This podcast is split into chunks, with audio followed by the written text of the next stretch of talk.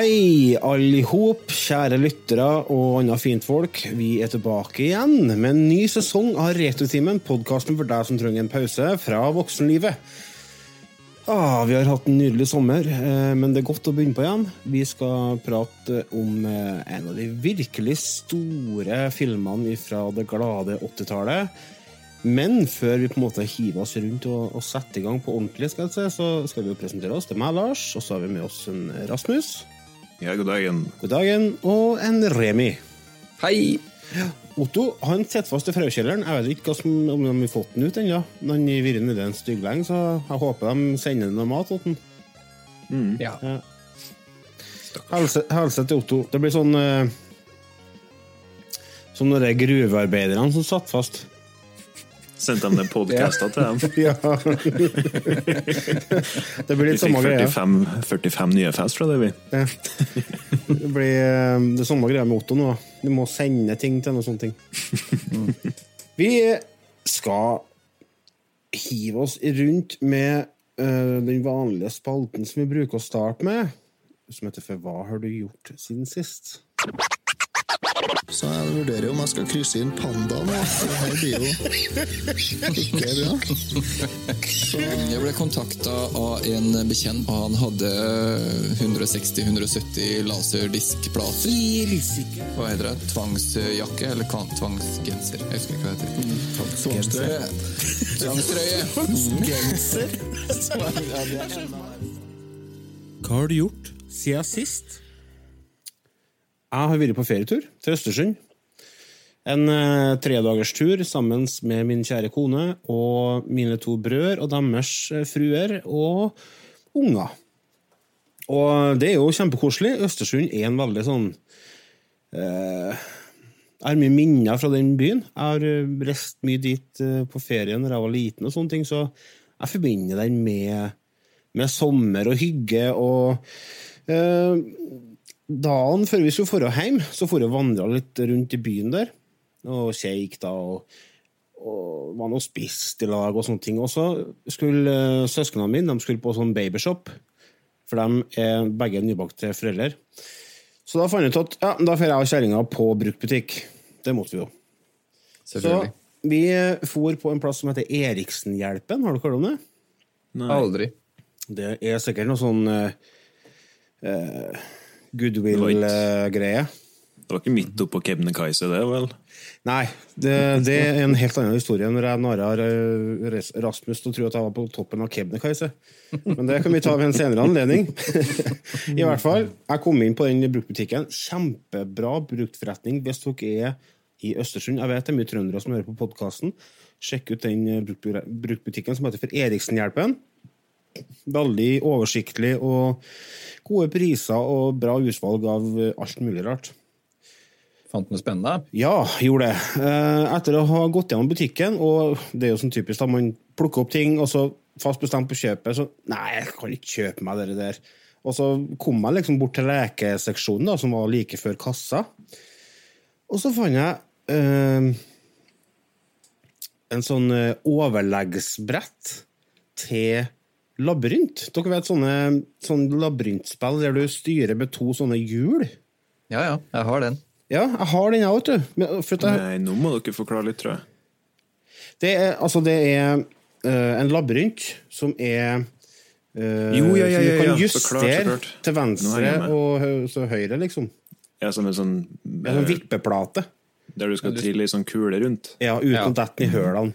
Stiller Den vel X og Y-aksen eller et eller annet sånt. Er det ikke det jeg gjør? Det er Brio som uh, ordna det der, da, så det, det holder jo i en mannsalder. Og jeg har så mye gode minner fra når jeg drev med det der hjem til min farmor og farfar.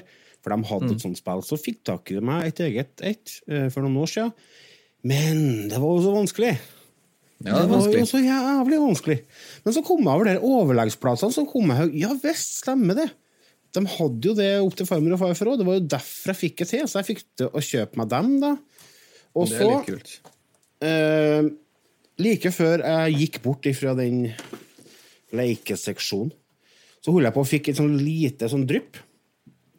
Uh, du vet, Vi har sånne vage minner fra når vi er små, som vi ikke helt klarer å sette fingeren på Kanskje er det et spill du har spilt som du ikke helt husker tittelen på. En film du husker, men samtidig ikke husker. Og jeg har et, hatt et sånt quiz-spill som jeg hadde når jeg var liten. Som jeg har prøvd å vride hodet mitt rundt for å finne ut hva det heter og, og hvordan det ser ut. Og greia var det at det er en sånn eh, plate med masse høl. Og så er det bilder på ene halvdelen av brettet, og så er det navn på andre sida av brettet. Og Da er det f.eks. masse kjente bygninger, og så skal du eh, trykke på bygningen, og samtidig trykke på rett navn da, hvis du får til rett. For det er to ledninger som er kobla til. Hvis du eh, tar den røde ledningen på rett bygning og blå ledningen på rett navn, så lyser det opp på ei sånn uh, lysgreie på toppen. Uh, og jeg, jeg hadde ikke sjans til å, å huske hva det het. Jeg prøvde liksom å beskrive det til folk, og ingen som Ja, ja stemmer det, hva var det igjen? Aldri helt fått uh, taket på det. Men så plutselig så ser jeg liksom en sånn logo oppi hylla med spillene. Bare Åh! Det lysa mot meg med store, gule bokstaver. Elektro. Quiz.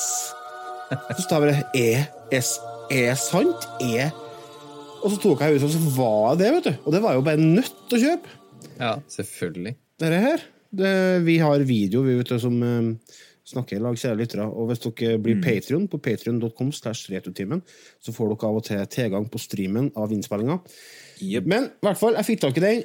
Så det er nok et hull fra barndommen som er kjetta, og det, det er ganske digg følelse. Du, apropos det der. Mm. Jeg visste egentlig ikke hvor det kom fra, men det var en lærer på barneskolen som hadde en fiffig idé. Jaha. Så jeg husker nå eh, at eh, vi laga en sånn boks. Jeg Klepte i stykker masse sånn Nintendo-magasin for å pynte på den der. da. Så tanken var liksom å ha eh, Det var samme prinsippet. da, Det har to ledninger som du skal touche borti eh, to ting som er knytta til hverandre. Ja. Så da satte jeg på liksom navnene på spillserier, og så hadde jeg utklipp av forskjellige spillkarakterer. Ja. Så du skulle touche sammen dem for å få, få det til å pipe eller lyse, eller hva enn det gjorde. ja. ja det er jo Så akkurat samme. Akkurat samme. Så vi laga faktisk det på barneskolen. Og det, det er noen lærere som bør ha Og klapp på hvilken skole gikk du på? Eh, Dalgård. Ja, vi spiste plastelina liksom helt opp til sjette klasse. Spiste dere plastelina? Ja. Du fikk tildelt plastelina og, og papir og saks, og så dere. Det er ikke noe rart det ble som jeg ble. Som jeg ble ut. Hvis det er noen av kutterne som uh, fikk en sånn liten flashback, eh, en liten flashback når jeg snakka om dette elektrospillet, så er det laga av Jumbo. Så det er bare å google Jumbo elektroquiz. Rasmus, hva har du Har du noe å komme med Ja. på denne spalten her? Noe må gå an å greie frem. Ja. Eh, Jeg merker det at vi snakka vel senest i dag om i- på chatten at eh, vi må ta et lite femminutt før, eh, før vi starter innspilling. Og liksom bare få litt klarhet i hva det er vi skal snakke om. I tilfelle det er bare kjedelige greier. Du har nå vært på jobb og sånn, da. Men nei. Det har nå vært sommer, da. ja. Og så tenker jeg jeg skal være litt åpen med dere og være så ærlig og si at det har vært litt sommerflørt på en Rasmus. Og det er litt eh, Det er mye tanker og sommerfugler, og rett og slett jeg kjenner meg litt 17 år igjen. Puppy.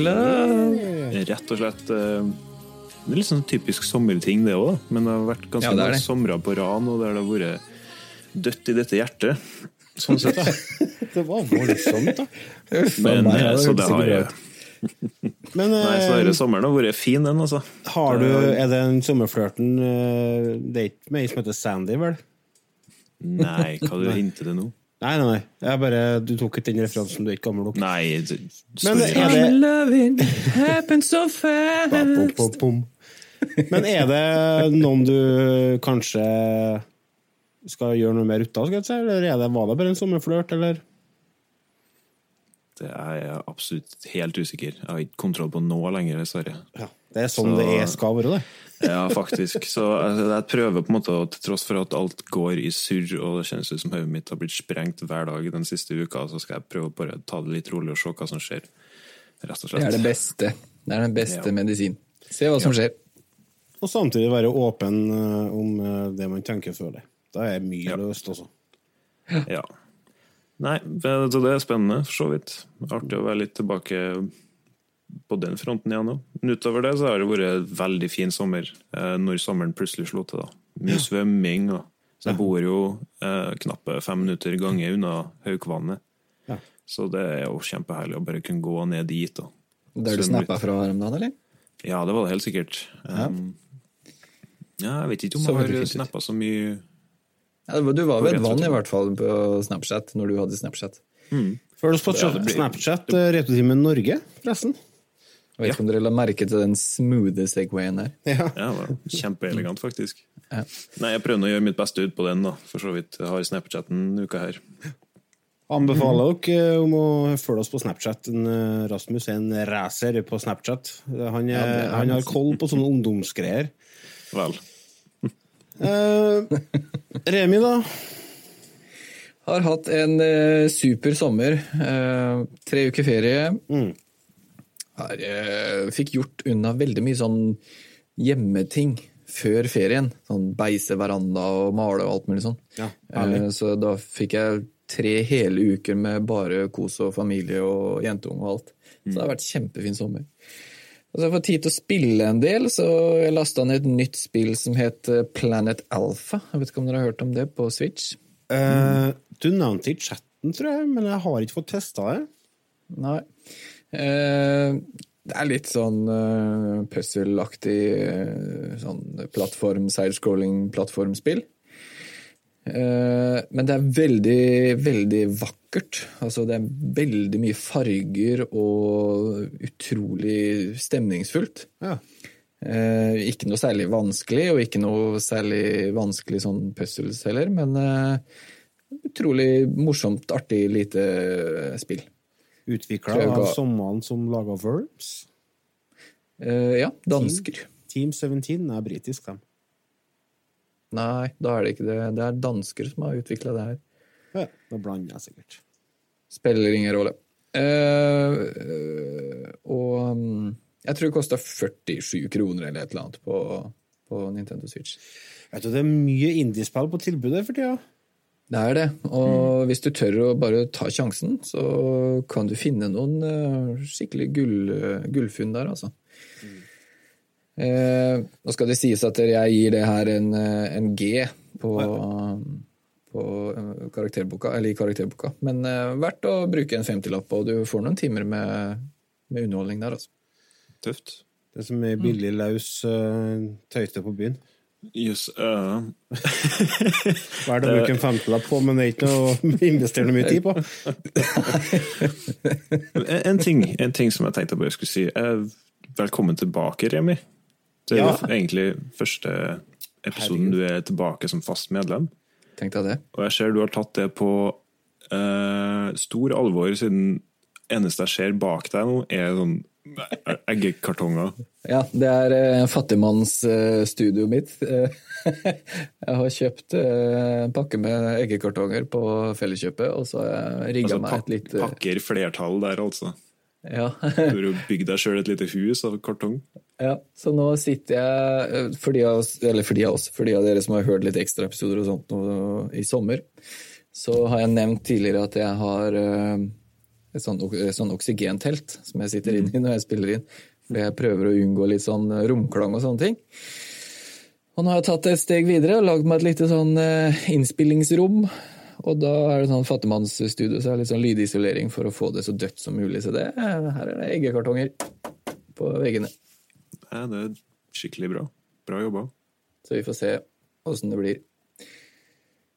Jeg beklager Men ja. lyttere at jeg ikke har introdusert Remi, Remi men uh, vi har spilt inn en episode allerede med han tidligere i sommer, der vi snakka om eh, Stranger Things. Men det var en ekstra episode som kun er tilgjengelig til patrons.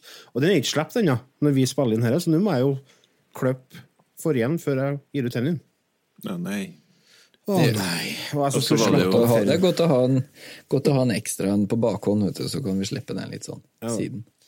Men der eh, så nevnte vi jo det, at jeg skulle tilbake i podkasten som fast medlem. Så nå har vi da fire, fire medlemmer. Kjekt, det. Så Det- kan, eh, hvis det skjærer seg på noen sin front, så er det kanskje ikke så mye om å gjøre.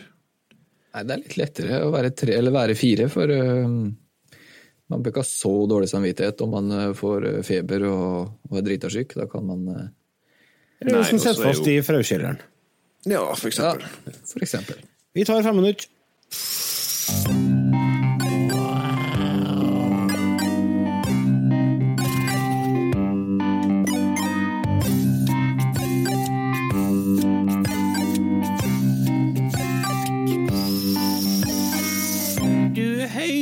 På Retrotimen.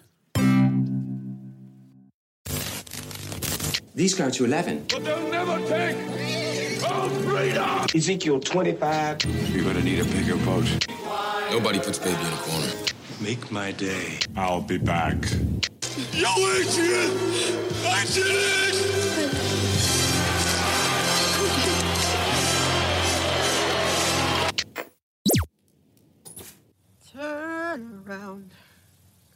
At what you see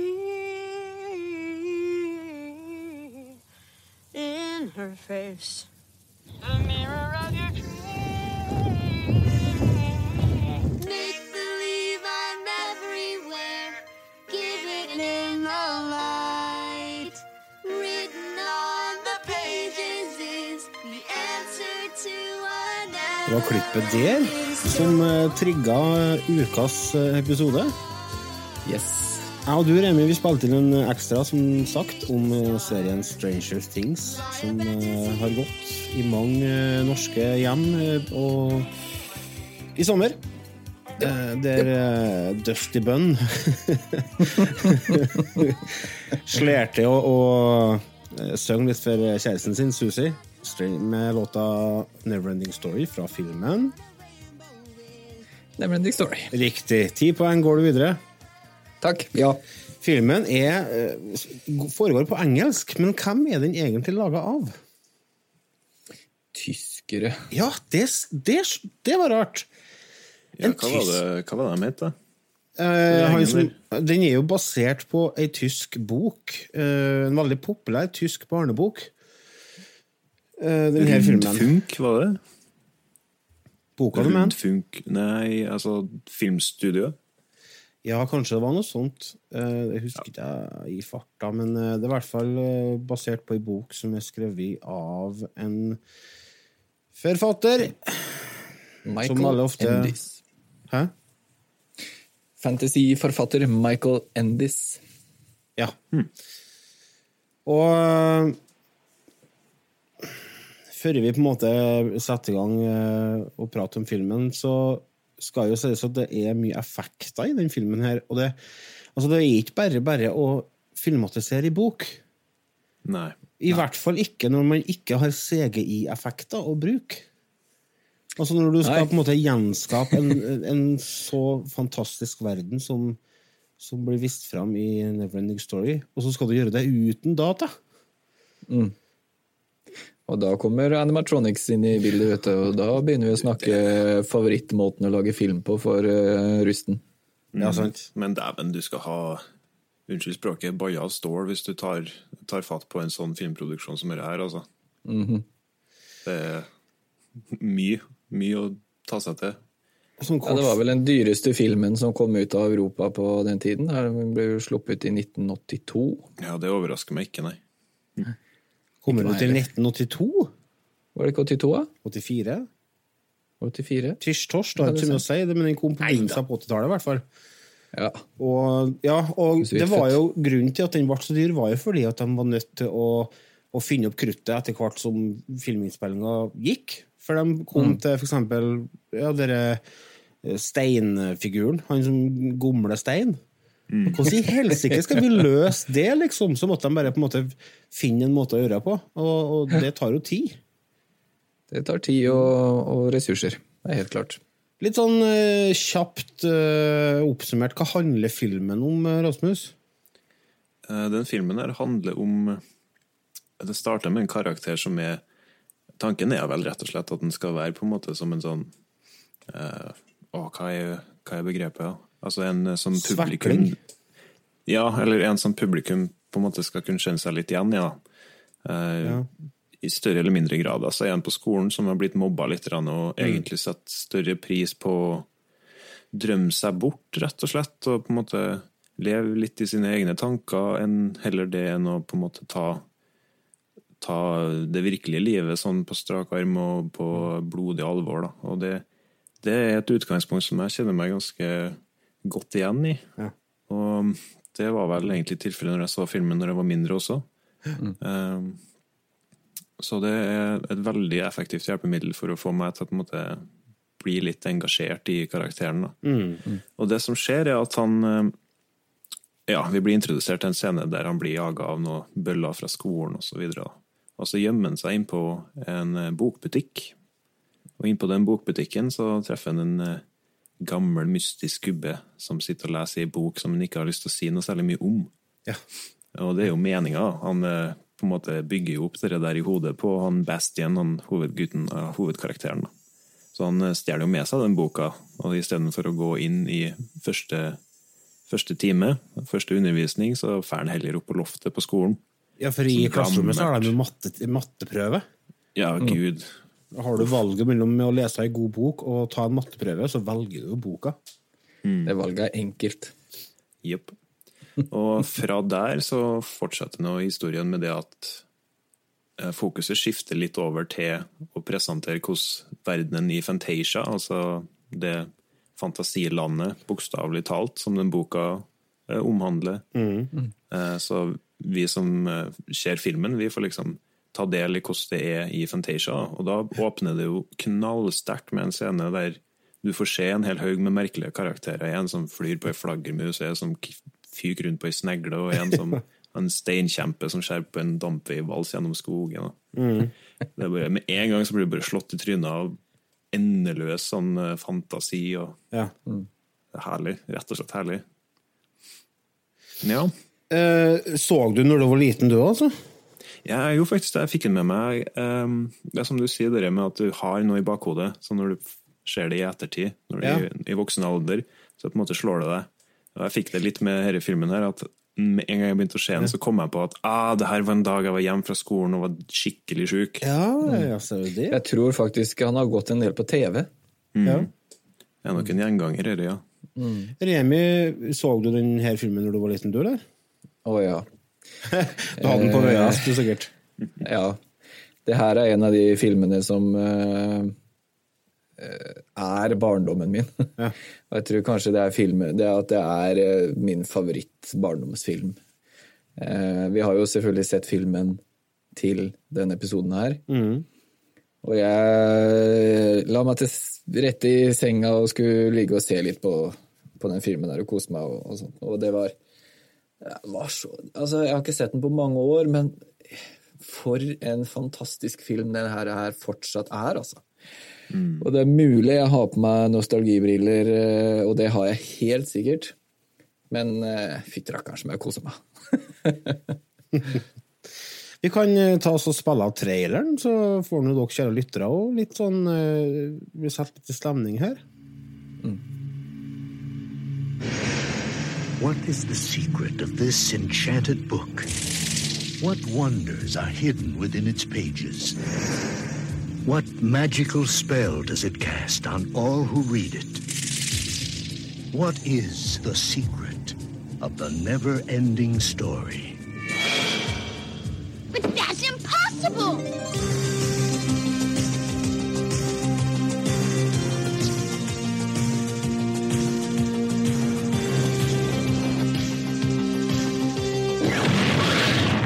Enter a world where a young boy's imagination becomes a vivid reality. The world of Atreyu and Artax, the Rockbiter, and a good and kind gnome. A world that is vast and eternal, treacherous and dazzling, unforgettable and free. For anyone who's ever made a wish, believed in a fantasy, or had a dream, this is the never ending story. Bare vent litt, jeg skal bare finne tak i uh, noe greier her. Neverending story, ass. Ligger meg, ligger meg nært hjertet, altså, den filmen. Det er helt utrolig. Mens Lars driver og graver frem en ting, kan jeg ta en liten kjapp sånn ukas uh, pils? Ta en ukas pils, du.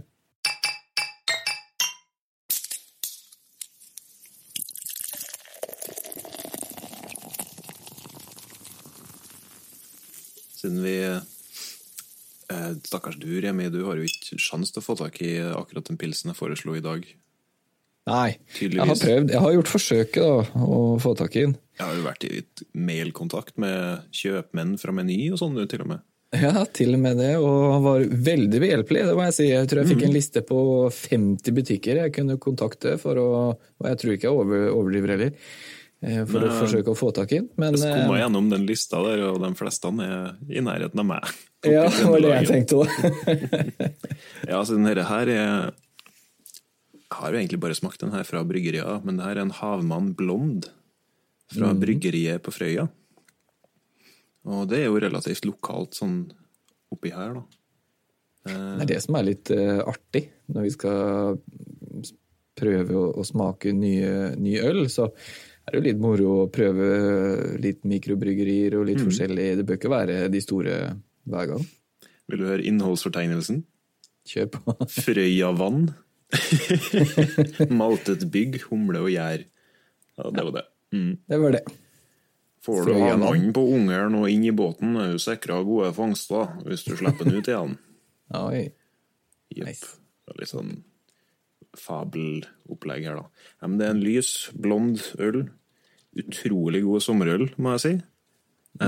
Jeg kjøpte meg en og åpna den flaska når jeg og min gode kompis Odin tok en liten sommerstream på Let's Play-kanalen vår og spilte Super Mario Land på Gameboy.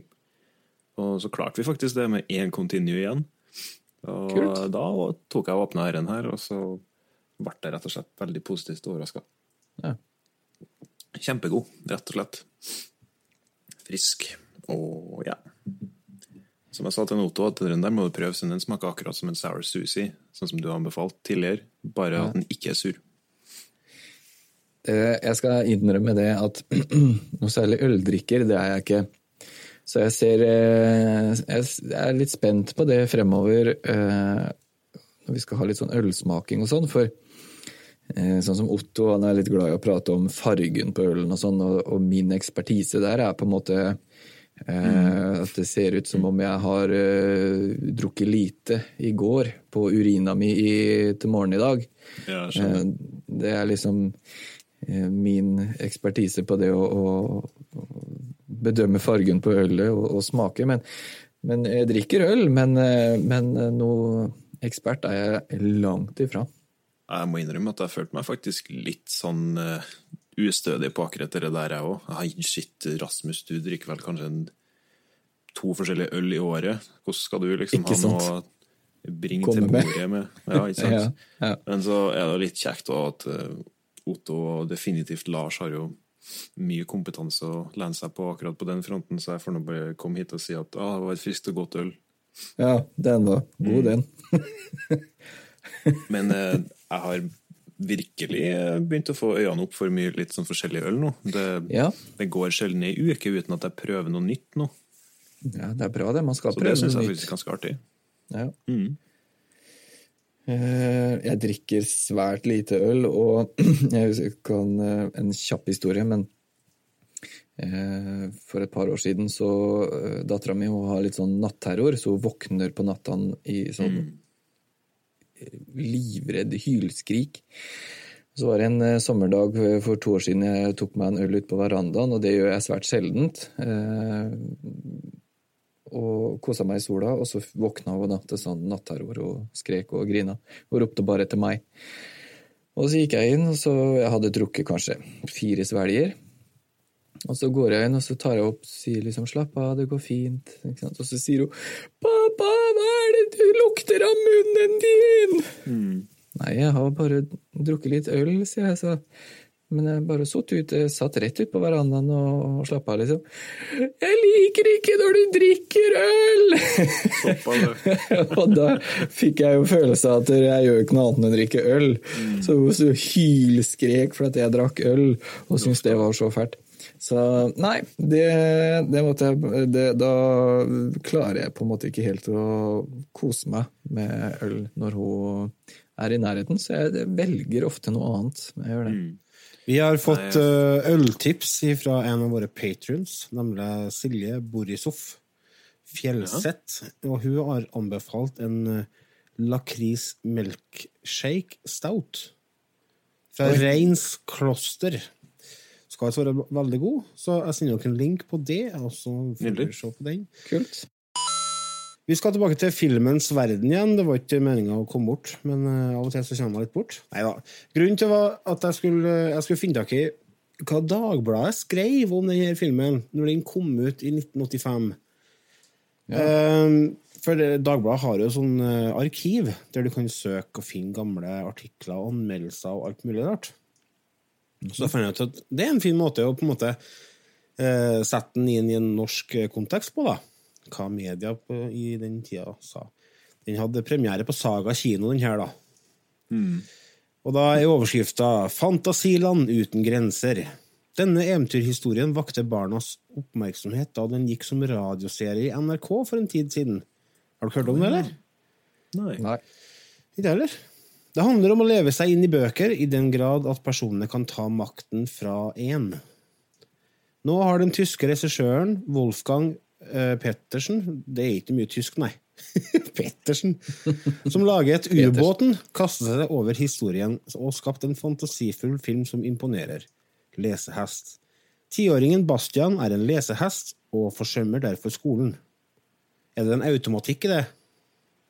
At eh, Ja. Hvis du er lesehest, så forsømmer du skolen? Jeg vil jo tro det Det heller høres sånn ut. mer i hop. At eh, hvis du er en lesehest, så har du en tendens til å gjøre det bra på skolen, men det er bare meg. Ja, det er ikke noe tvil om at det der var før dataspillene gjorde sitt inntog. Eh, også det en grunn til å gi seg bøkenes verden i vold. Eh, ja, for han blir mobba, da. Selvfølgelig har han pløyet gjennom både Robinson Crusoe, Den siste mohikaner, Skattøya og Tarzan. En dag får han hos bokhandleren tips om den uendelige historien, som nok kan være farlig for barn, men Bastian tyvlåner den og kommer inn i bo- eventyrbokens fantastiske verden. Eventyrland.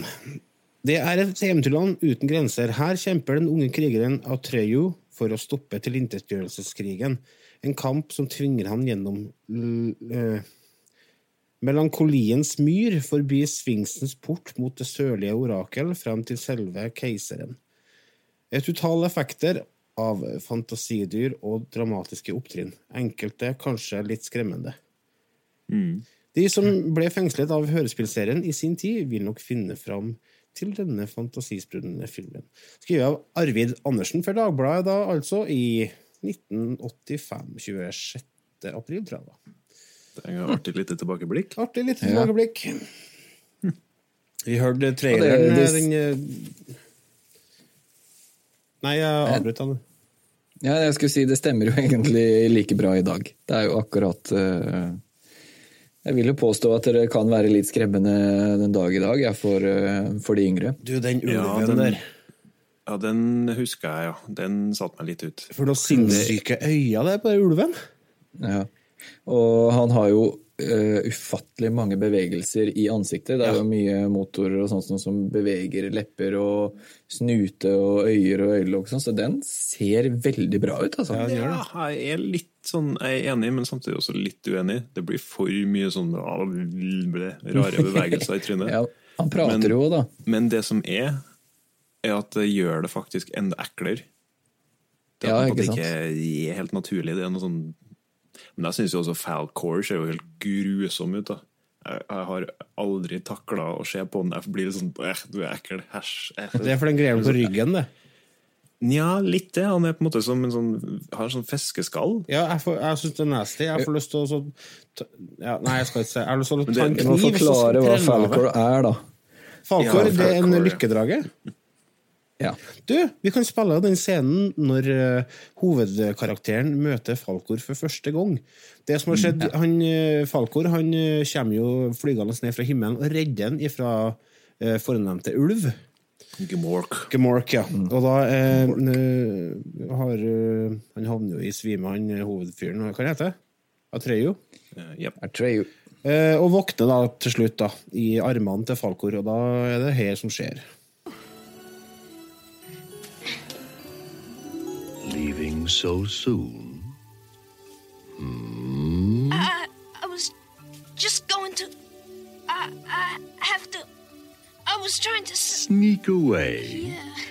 I, I mean, no, no. I like children. For breakfast? Never. I'm a luck dragon. My name is Falcor. And my name is. Atreyu. And you're on a quest. How'd you know that? You were unconscious. And you talked in your sleep. Could you get round and scratch behind my right ear? I could never quite reach it. Here? Ah, yeah. Var måte på hvor godt det skulle være. Mm. Det Ja, er det er deilig å bli klødd på ryggen, da. Jeg blir litt ubekvem, merker jeg. Blir du ubekvem? Hvorfor det? I like children. oh, yes. Ja, for dere kan klippe sammen til å bli ganske usømmelig hvis en har litt fantasi. Det kan det faktisk. Men Men det eh, er ikke det jeg tenker på. Vi jeg skal ikke ødelegge barndomsminnene til folk. Det er ikke derfor vi er Ja, nei, nei, nei, virkelig ikke. Eh, men det jeg tenker mer på, er at den ser liksom ut som en sånn ekkel pølse.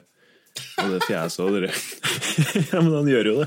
Er, det, er jo en, det er jo en drage, som vi sa i stad. Det er en drage med et sånn Det ser ut som et hundehode. Han har jo ikke vinger. Det er jo selve definisjonen på en drage. At han spyr flammer og har vinger. Og Falkor han spyr ikke flammer, han har ikke vinger. Derfor er han en sjø, en sånn eh, ha, uh, himmelpølse. Han er en hot dog. Med en jo for unger. Herlig, da. Ja, han er glad i barn. Han er jo er heldigvis, det- heldigvis, er han jo skrevet herlig, da. Ja. Men uh, det er noen scener der han på en måte setter opp farta når han flyr gjennom himmelen og vræler sånn, og det er tunga som plutselig sniker seg ut en tur. Og, Ja, det er når han blir klødd på ryggen. Nei, på bakom Ja, øret. Da kommer tunga ut. Jeg syns øynene hans er så fine. Ja. Og så er det stemmen til Alan Oppenheimer, og han har jo lagd, eh, eller vært, eh, hatt stemme i et utallig mange filmer og tegnefilmer og serier opp igjennom. Det er han som har stemmen til Skeletor, det. Eh, Det er eh, kanskje riktig. Har han det? Høres ut som en skurk fra 30-tallet. I Yeah, han, eh, han, han lever jo ennå og har stemme i Toy Story 4, som kommer nå i 2019. Oi, oi, oi, Så såpass, ja. Okay. Mm. Så det blir gøy. Toy Story 4, ja. Eh, Jeg har egentlig bare sett en av dem. Men uh, uansett, det, det er jo en film vi må vi Toy Story skal skulle vi hatt en episode på, ja. Det- Virkelig. Det skal vi ha, ja. Det må vi ha. Legg den i haugen. Hva er det som gjør at denne filmen her fengsler så gærent, da? Hva er det som gjør at, uh, hva er det som gjør at unger fortsatt Eller jeg vet ikke om de ser den i dag, men jeg tror Ja, det kanskje. Jeg tror det at hvis en, uh, en sju-åtteåring uh, har sett den i dag, så hadde den likt den. Ja, altså, det, det her er en film som den har ikke Altså, den har det ganske travelt, altså, så jeg tror selv med Det generaliserer jo kanskje litt, men jeg tror barn nå til dags har et litt eh, Litt enklere for å miste tålmodigheten med saker og ting. Jo, jo, men det har jo vi òg. Ja, det er jo for så vidt sant, men jeg tror filmen her på en måte kommer til poenget fort nok. Ja, det gjør den. Og introduserer nye ting og spennende ting konstant, eh, ja, Ja, for at, konstant altså, underveis. da. Det er jo den eh, supertriste scenen som mange husker fra denne filmen, er jo når hesten til Atreyo eh, drukner i den sumpen. Ja. Og det kom meg for meg var langt ut i filmen, men det skjer jo Du har jo nesten ikke sett på filmen Ja. før hesten drukner. Jeg er jo Nei, helt med på den. Jeg har jo opplevd det. At det var sånn Her skjer det nå. Jeg har jo egentlig ikke egentlig blitt med i filmen. Men Ja, jeg- der skjønner jeg plutselig at det var det som var tanken med den scenen. da. At du skulle bli med på det. Ja. Du måtte skjønne det at ja, fersken her er jo ting ganske alvorlig, egentlig. Og det som er for at, Hadde det vært en annen film, så hadde jeg på en måte ikke syntes det vært noe spesielt trist. fordi at man får ikke tid til å på en måte bli kjent med forholdet mellom hest og eier. Eh, men er han, han spiller så bra, han skuespilleren.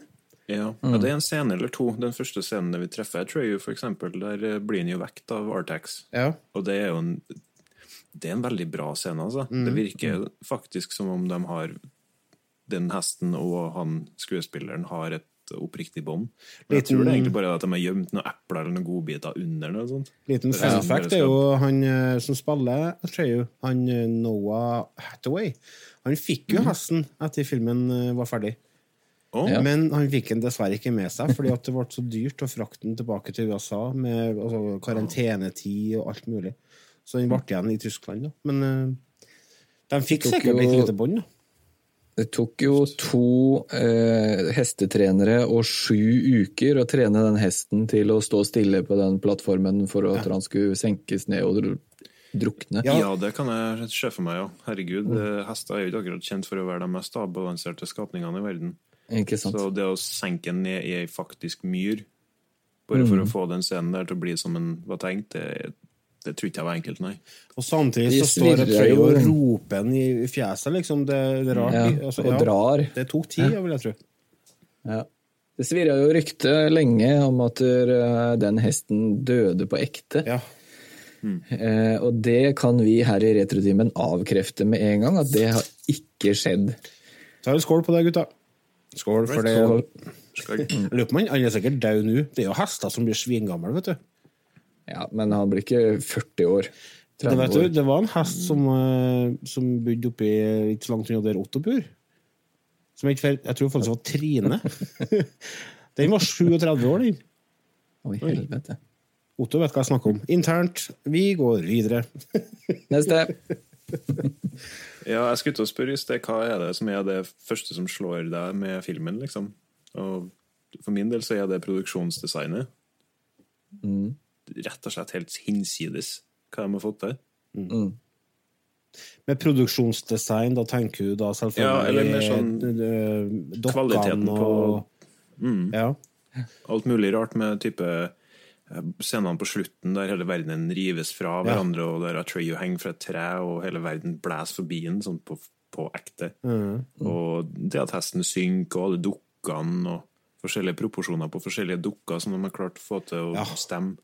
Det, ja, når, de på, når de, skal, øh, de står og kikker inn i den kikkerten for å se Ja. inn i den portalen, der han ene fyren er liten og Trøyo er stor.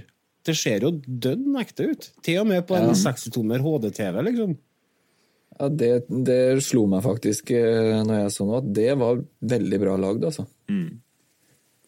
Altså, det er jo et enkelt triks sånn i praksis. da. De har jo bare en gammel fyr som står lenger bak enn det jeg tror jeg gjør, og så bare kikker de eh, i forhåndsbestemte retninger, så det ser ut som de kikker på hverandre og sånn. Men det er likevel noen triks der som er ganske vel gjennomført. Hvis dere er interessert i sånne ting, så anbefaler dere også å spore opp uh, samleutgaven av Ringenes herre-filmene, for der er jo det der med miniatyrer mye brukt, og det, det er mye bakomstoff der som viser hvordan de jobber i forhold til det. Det er ganske interessant. Ja, apropos det, faktisk. eh, Jeg tenkte jeg skulle tipse om dette her i en av episodene før, eh, før vi tok sommerferie. Men det er en YouTube-kanal som jeg snubla over i det siste, som heter VFX Artists React. Eller jeg tror kanskje YouTube-kanalen heter The Corridor Crew. De eh, lager mye sånn tøffe, tøffe sånn eh, datagenererte videoer der eksempel ene kontorstolen hans blir gjort om til å lage av Lego, og så detter den på en måte sammen igjen. da. Så Og de andre er ganske flinke, så de har mye sånn um, reaksjonsvideoer i det siste, der de uh, dekomponerer og prøver å finne ut hvordan var det de egentlig gjorde det her fra den kjente filmen osv. Hva kalte du kanalen? Corridor Crew, tror jeg de kaller seg. Ja, det, det er en kanal vi må sjekke ut, og det er sikkert mange av dere lyttere som vil eh, ta og sjekke ut òg. En highlight der er bare det de, Har dere sett The Scorpion King? The Mummy 2, tror jeg det? Eller 3? To, Jeg tror jeg har sett den, ja. Ja, Det er en scene der, der Dwayne The Rock Johnson er på en måte dataanimert oppå en sånn stygg uh, skorpion av noe slag. Ja, Og det er jo en uh, ganske notorisk stygg og ekkel, dårlig scene. stemmer det. Så de brukte nå den nye deepfake-teknologien til å på en måte reparere det. da. Ja. De på en måte laga en eh, deepfake-profil av Dwayne The Rock Johnson fra den tida. Så han var jo aktiv skuespiller når han så så ung ut. på en måte. Og så deepfaka de det på den faktiske CG-figuren og på en måte reparerte det. Og det ser sånn ikke helt perfekt ut, men et par tusen ganger bedre. Kult. Men tilbake til rett og slett en film Fantasia. som på en måte la mye av grunnlaget for filmteknikk og sånn triks. Ja. Den hadde jo et budsjett på 27 millioner Mm. dollar. Syns han de fikk det mye, egentlig. Ja, han fikk det, mye, fikk det ganske mye. eh, Og hadde totalomsetning på rundt en 100 millioner dollar, så tjente gode penger der òg. Hvem er favorittkarakteren deres, da? Og hvorfor? Atreyu. For at jeg syns han gjør en utrolig god skuespillerpresentasjon, og så er han eh, eh, Det er eh, Hva skal jeg si Han er en, eh, et vakker barn, da, for å si det sånn. Er en pen gutt som passer som den, mm. den kjempe Eller den eh, Hva skal jeg si eh, Åh. Med mer mot og hjerte i han enn enn det det egentlig er plass til i et lite barn. Sånn sett, og det akkurat det klarer han å få frem i skuespillerprestasjonen sin i veldig stor grad, føler jeg. Mm. Det, jeg jeg syns gjorde, eller Noah Hathaway, da, som han heter, gjorde en kjempejobb der. og eh, Det slo meg når jeg så filmen nå, at det var eh, Han gjorde det veldig bra. Altså. Vet du hva han gjør i dag? Han er. Artist i LA. ja. Og kampsporttrener. Jaha. Ja. Det er Krav Maga eller noe sånt, da, kanskje? Nei, det vet ikke jeg. Det var judo eller et eller annet.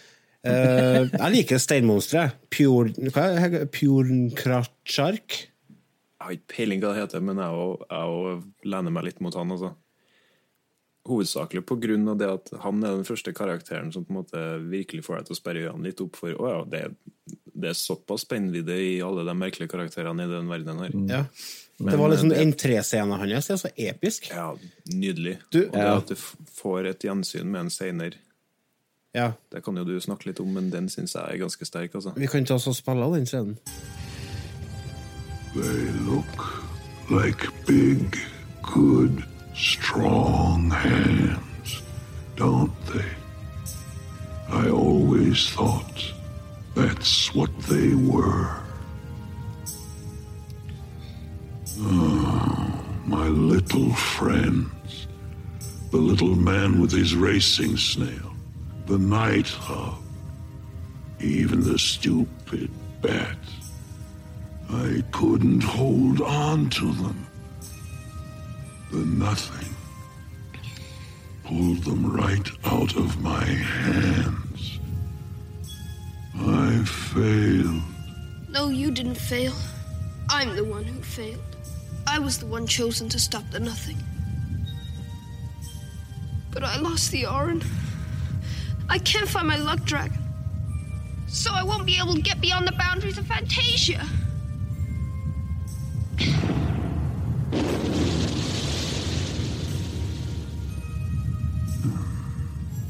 Listen. The nothing will be here any minute. I will just sit here and let it take me away too. They look like good, strong hands, don't they? Det er en ganske trist scene. Det er sterkt, altså. Ja, det er det. det. For meg så var det jo det tristeste scenen i filmen. Og det er liksom eh, kombinasjonen av at han som er så mektig, har gitt opp, og så har du den musikken som er bakom, og det er liksom total fallitt. Verden skal nå gå under. Det ga meg frysninger når jeg så den. Jeg syns det, det er et helt fantastisk øyeblikk. Ja, det er det. Eh, Det på en måte Den et, gjorde det litt klart for meg at uh, når den scenen kom, jeg òg fikk frysninger. Ja. Og det fikk meg til å skjønne det at denne filmen har gjort en veldig god jobb på å gradvis eskalere og eskalere og kom, eller altså putte hovedkarakteren i nye og overraskende situasjoner. Og du merker det egentlig ikke før du sitter her og får sånne faktiske reaksjoner, at du er helt med på den filmen her. Mm. Og Det er imponerende. Veldig imponerende. Så jeg skjønner hvorfor jeg husker denne filmen her som ganske engasjerende. Og så blir det jo en del av filmen som seer òg. For altså, filmen handler jo egentlig om en person som sitter og leser i bok, men så viser det seg etter hvert at han er faktisk veldig viktig for det som skjer inni boka. Og så, eh, i en dialog med Er det med eh, The Empress? Childlike Empress? Så Det her er helt mot slutten av filmen. da. ja, så havner vi som seere plutselig i handlinga òg, der eh, liksom han, eh, hun refererer til oss, som Mm. er vitne til historia til han Bastian. Det er så effektivt, det. Ja. Når, kun fordi den filmen her faktisk har klart å få deg helt med. Mm. Så du sitter der og er der, og, og når en karakter i en film du er 120% engasjert i, refererer til deg, da får du samme følelsen som det eh, Bastian får, siden det er jo en Mm. ganske stor del av den scenen her at han ikke er helt sikker på om det her egentlig er ekte. Ja.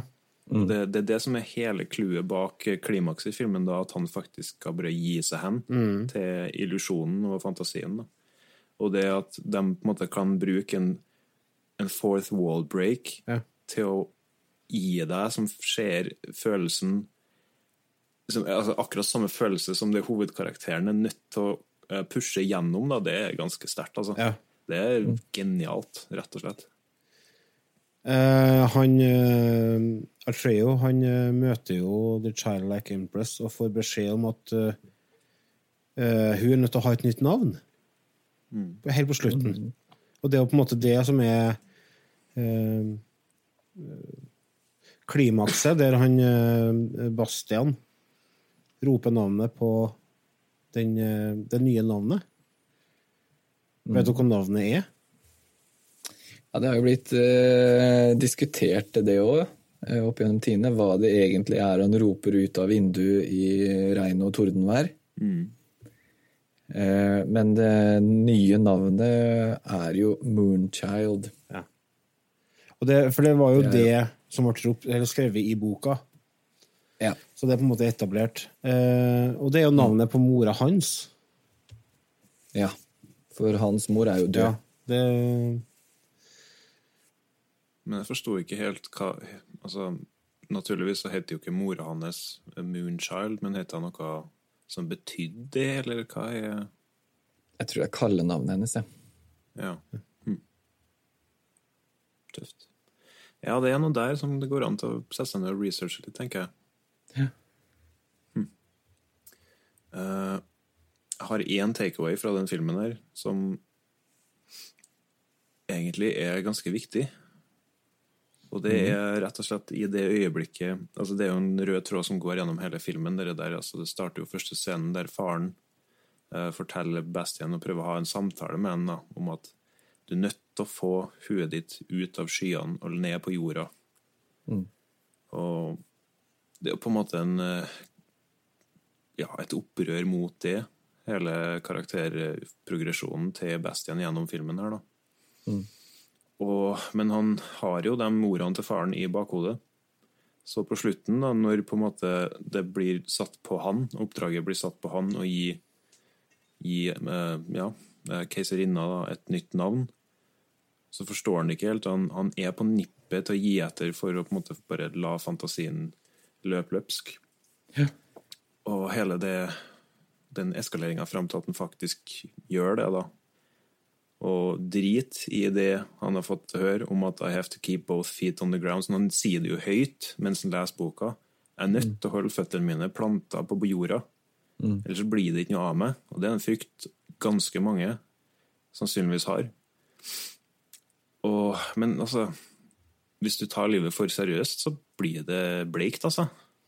Det gjør det. Det Og blir det, usedvanlig bleikt, og det er noe jeg har opplevd litt de siste, siste par årene. Og det er en ting jeg egentlig begynte å innse først nå, at jeg er nødt til å ta litt på alvor. At eh, ja, du må på en måte ta ting litt på alvor og gjøre det du må for å ja, f.eks. for eksempel fikse ryggen og passe på så at du tjener til livets opphold osv., men du må ikke glemme å leve det livet du har fått heller, altså. Det er viktig å la fantasien løpe litt. Og til syvende og sist så er det jo hele simulering uansett, så det har ikke så mye å si. ok. Apropos det, når snakker vi om Matrix, da? Ja, sant? Nei, jeg, jeg, jeg, så, jeg hørte det intervjuet med han eh, Elon Musk, der han snakker om den eh, teorien der. Eh, og det er ganske fascinerende skrevet, men det det må dere søke opp, kjære lyttere. Elon Musk, uh, Simulation Theory. Og så blir dere litt sånn, da blir jeg litt sånn gi faen etterpå. Ja. Det hadde ikke vært for heavy nå. Nei, nei, nei. nei. Vi må alle Ja, men- slutte å leke. Det, det, har jeg, det- det har jeg det- funnet ut for mange år siden. Den dagen jeg slutter å leke, så er jeg død, altså. Ja, jeg òg. Jeg har alltid vært en sånn uh, fjasetullefyr. Uh, aldri tatt uh, noe seriøst og le så mye jeg kan le, altså Jeg prøver å le så mye jeg kan og være blid og glad og fornøyd, og det er viktig. Ja. Uh, og så passe på at man ikke blir en sånn sur, gammel, sær gubbe. Det, det prøver jeg alt jeg kan å unngå.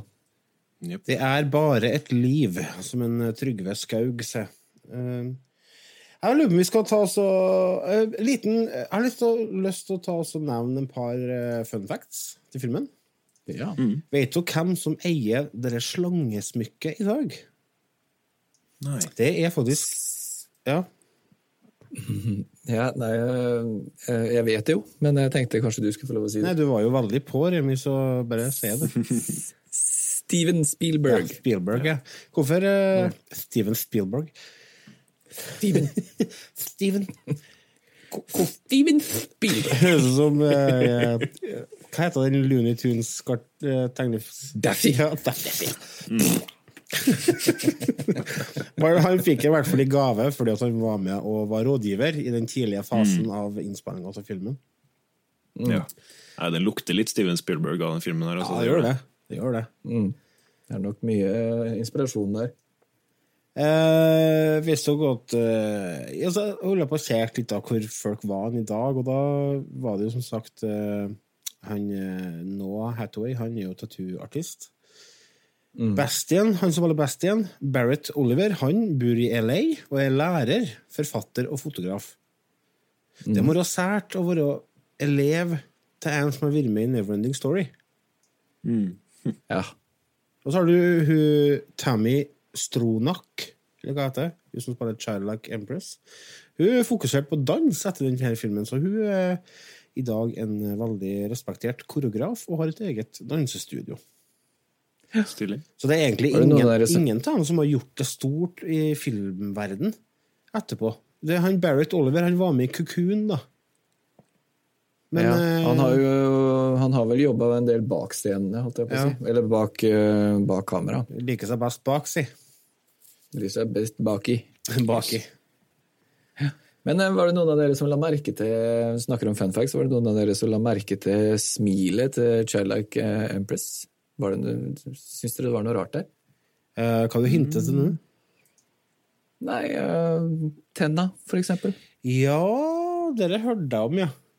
Hun, hun mista uh, Er det to hjørnetenner Ja. like før innspillingen av filmen? Ja. Hvordan fiksa han de det? Satt han dem på plass igjen, sikkert. Lima er inne noe der. Jeg satte noe, noen falske tenner der, så du ser det faktisk veldig godt. Mm. Hvis du ser etter det, så ser du at det ikke helt stemmer. En eh, siste uh, fact. Ikke en fun fact, men en liten fact. Fact. Det er laga spill av Neverending Story. Hva dere det? Uh. Det er laga et sånn eh, teksteventyr som ble eh, gitt ut på Spektrum, tror jeg. Og de har jo laga musikken, selvfølgelig. De har laga spillet. Hvorfor høre den?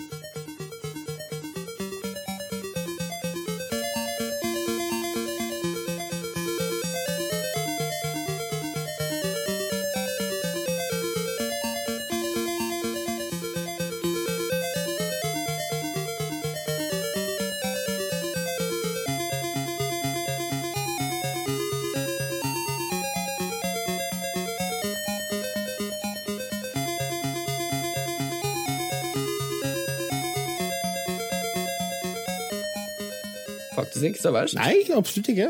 Og, teksteventyrspillet, som jeg kaller det på godt norsk, er utgitt på Spektrum ja, og Amstrad, Commodore 64 og Atari 800 av alle verdens ting. Utgitt av Ocean Software. Kult. Og jeg så en sånn eh, gjennomspilling av det. Eh, totalt så tok det over tolv minutter å gå gjennom alt i hop. Å ja, såpass, ja. Eh, Go West. Ja, go west, go north. pick Ja. up.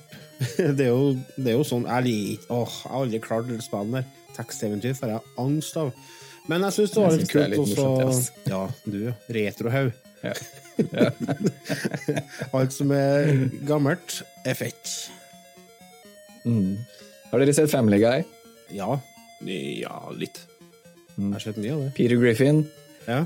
Han, eh, han eh, flyr på Falcor i to forskjellige episoder. Og gjør han det? Ja, det gjør han sikkert. Ja. Ja. Breaking Out Is Hard To Do er den ene episoden. Og så en annen episode som heter eh, HTT Pete.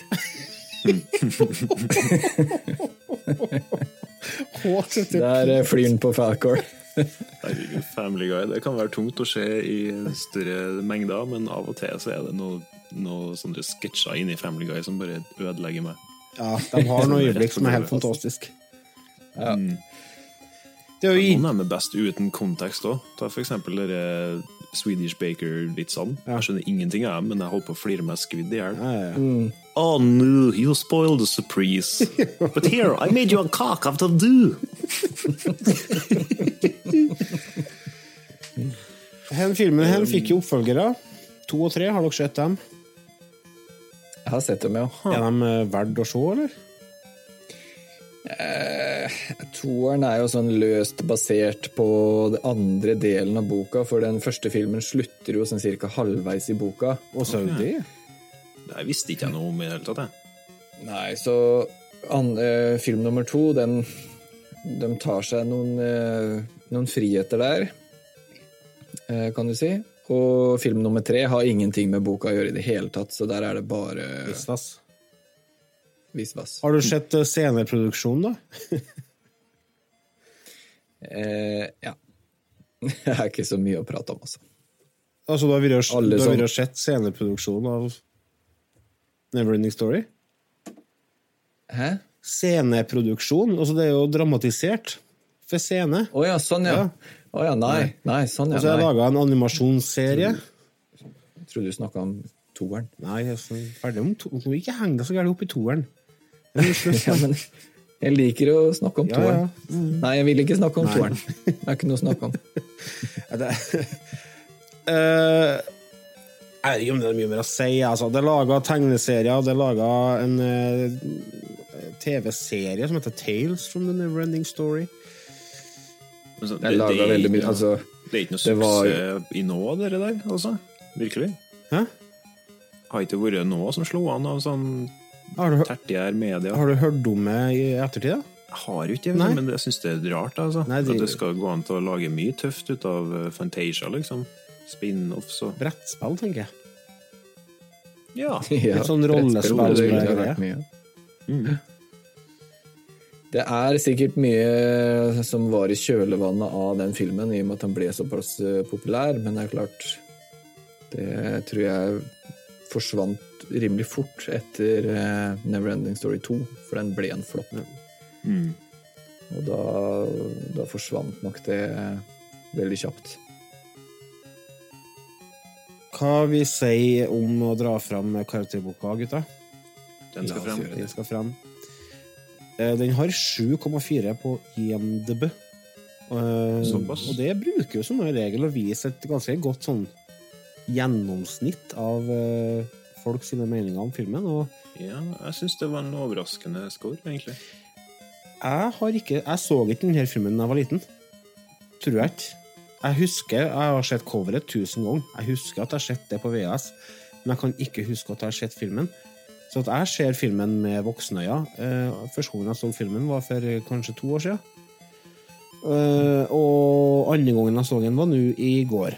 Og jeg syns at eh, Jeg syns filmen er kjempefin. Jeg syns den er eh, veldig bra. Jeg liker det konseptet med at den har flere lag. Først har du boka, så har du leseren, og så har du tittelen, skal jeg si. Og så eh, Musikken er jo fantastisk. Eh, du blir jo satt i stemning med en gang du hører eh, tittellåta.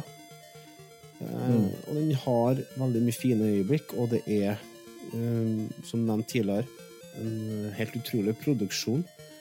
Så det blir en M, altså. Det blir det. Lell om jeg er voksen.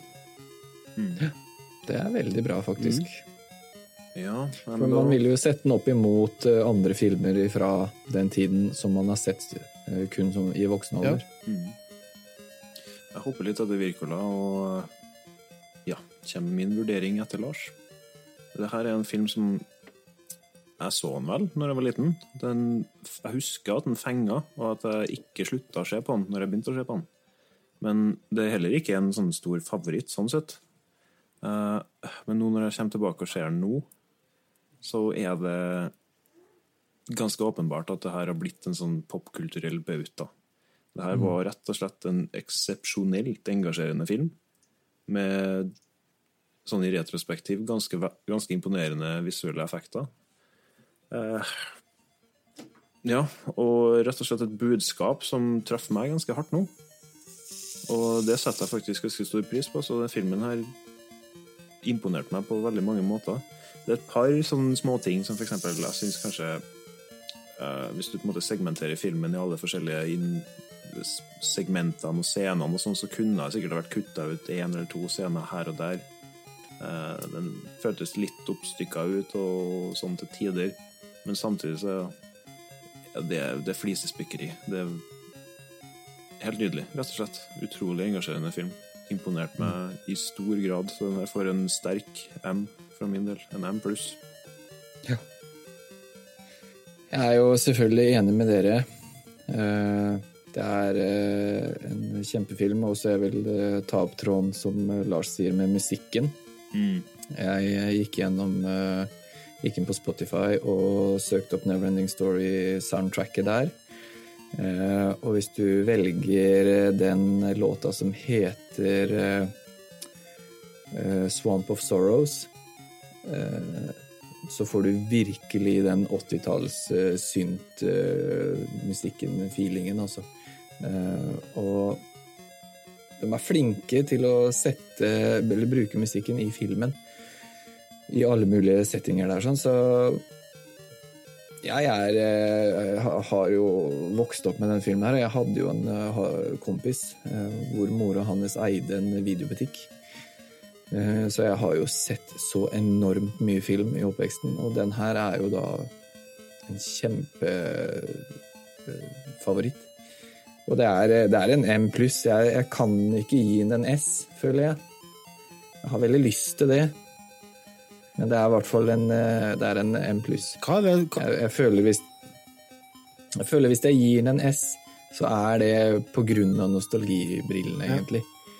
Men det er, den har jo visse uh, ting som jeg kan trekke på, da, hvis man kan si det sånn. Og det er som Rasmus blant annet sier, at det er Det går noen ganger litt fort.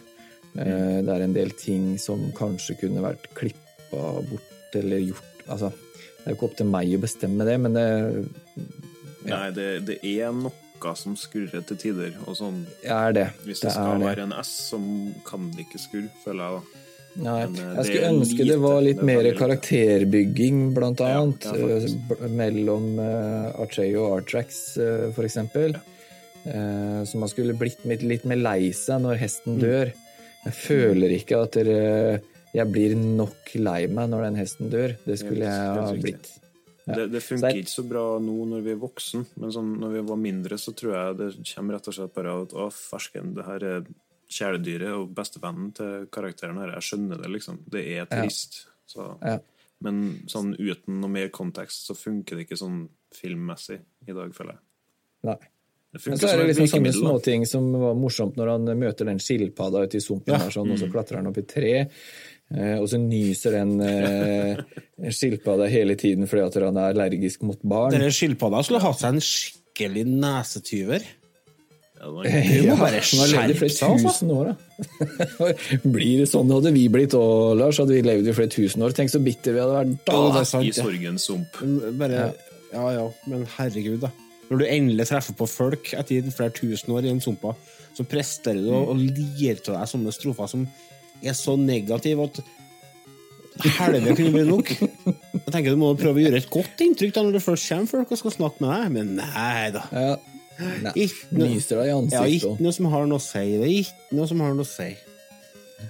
Jeg hører de sier det, men det har ikke noe å si. Fy faen, altså. Nei. Og det er litt sånn, det var sånn humoristisk, så det syns jeg var kjempebra. Så, og det fungerte, den humoren syns jeg fungerte den dag Ja, i dag. Så, og, så begynte hun nesten å nyse, og, og, og um, Artrax satt jo oppi et tre, så han holdt seg jo fast. Eh, og gjorde seg klar for at hun skulle nyse, og så nei, så nøs hun likevel. Og så slipper han, og så nyser hun. Ja, Og det er jo sånn klassisk humor, ikke sant. Kjempe, kjempebra. Ja. Så nei, en eh, meget pluss, eh, og egentlig sånn innerst inne en Enn du, kjære lytter, hvilken karakter vil du gi til denne filmen? Ta og Kommenter i eh, kommentarfeltet til denne episoden. Hva, hva syns du om filmen? Så du den når du var liten? Får du nostalgibriller tror det? Eh, Vekker det samme følelsene i deg i dag som det gjorde da? Gi oss uh, gi lyd fra deg. Vi digger å høre eh, hva dere mener og syns om temaene som vi prater om. Send oss en post på post.retrotimen.no, eller skriv i kommentarfeltet. Mhm. Og følg oss på Snapchat. Retrotimen Norge. Yes. Uh, vi er tilbake neste uke, vi, med nytt tema. Uh, med kanskje Otto komme seg opp til frauskjelleren. det vet vi ikke. Vi får krysse fingrene og håpe på det. Fram til da Kanskje vi skal slippe ned en stige. Ja, vi får, vi får vurdere. At ikke vi har tenkt på det? Det var tenkt på, men jeg tenkte det var godt å ha en episode uten han òg. Det var litt godt, faktisk. Det var det. Good call, Lars. Takk for følget, kjære lyttere. Vi høres. Yes. Adjø.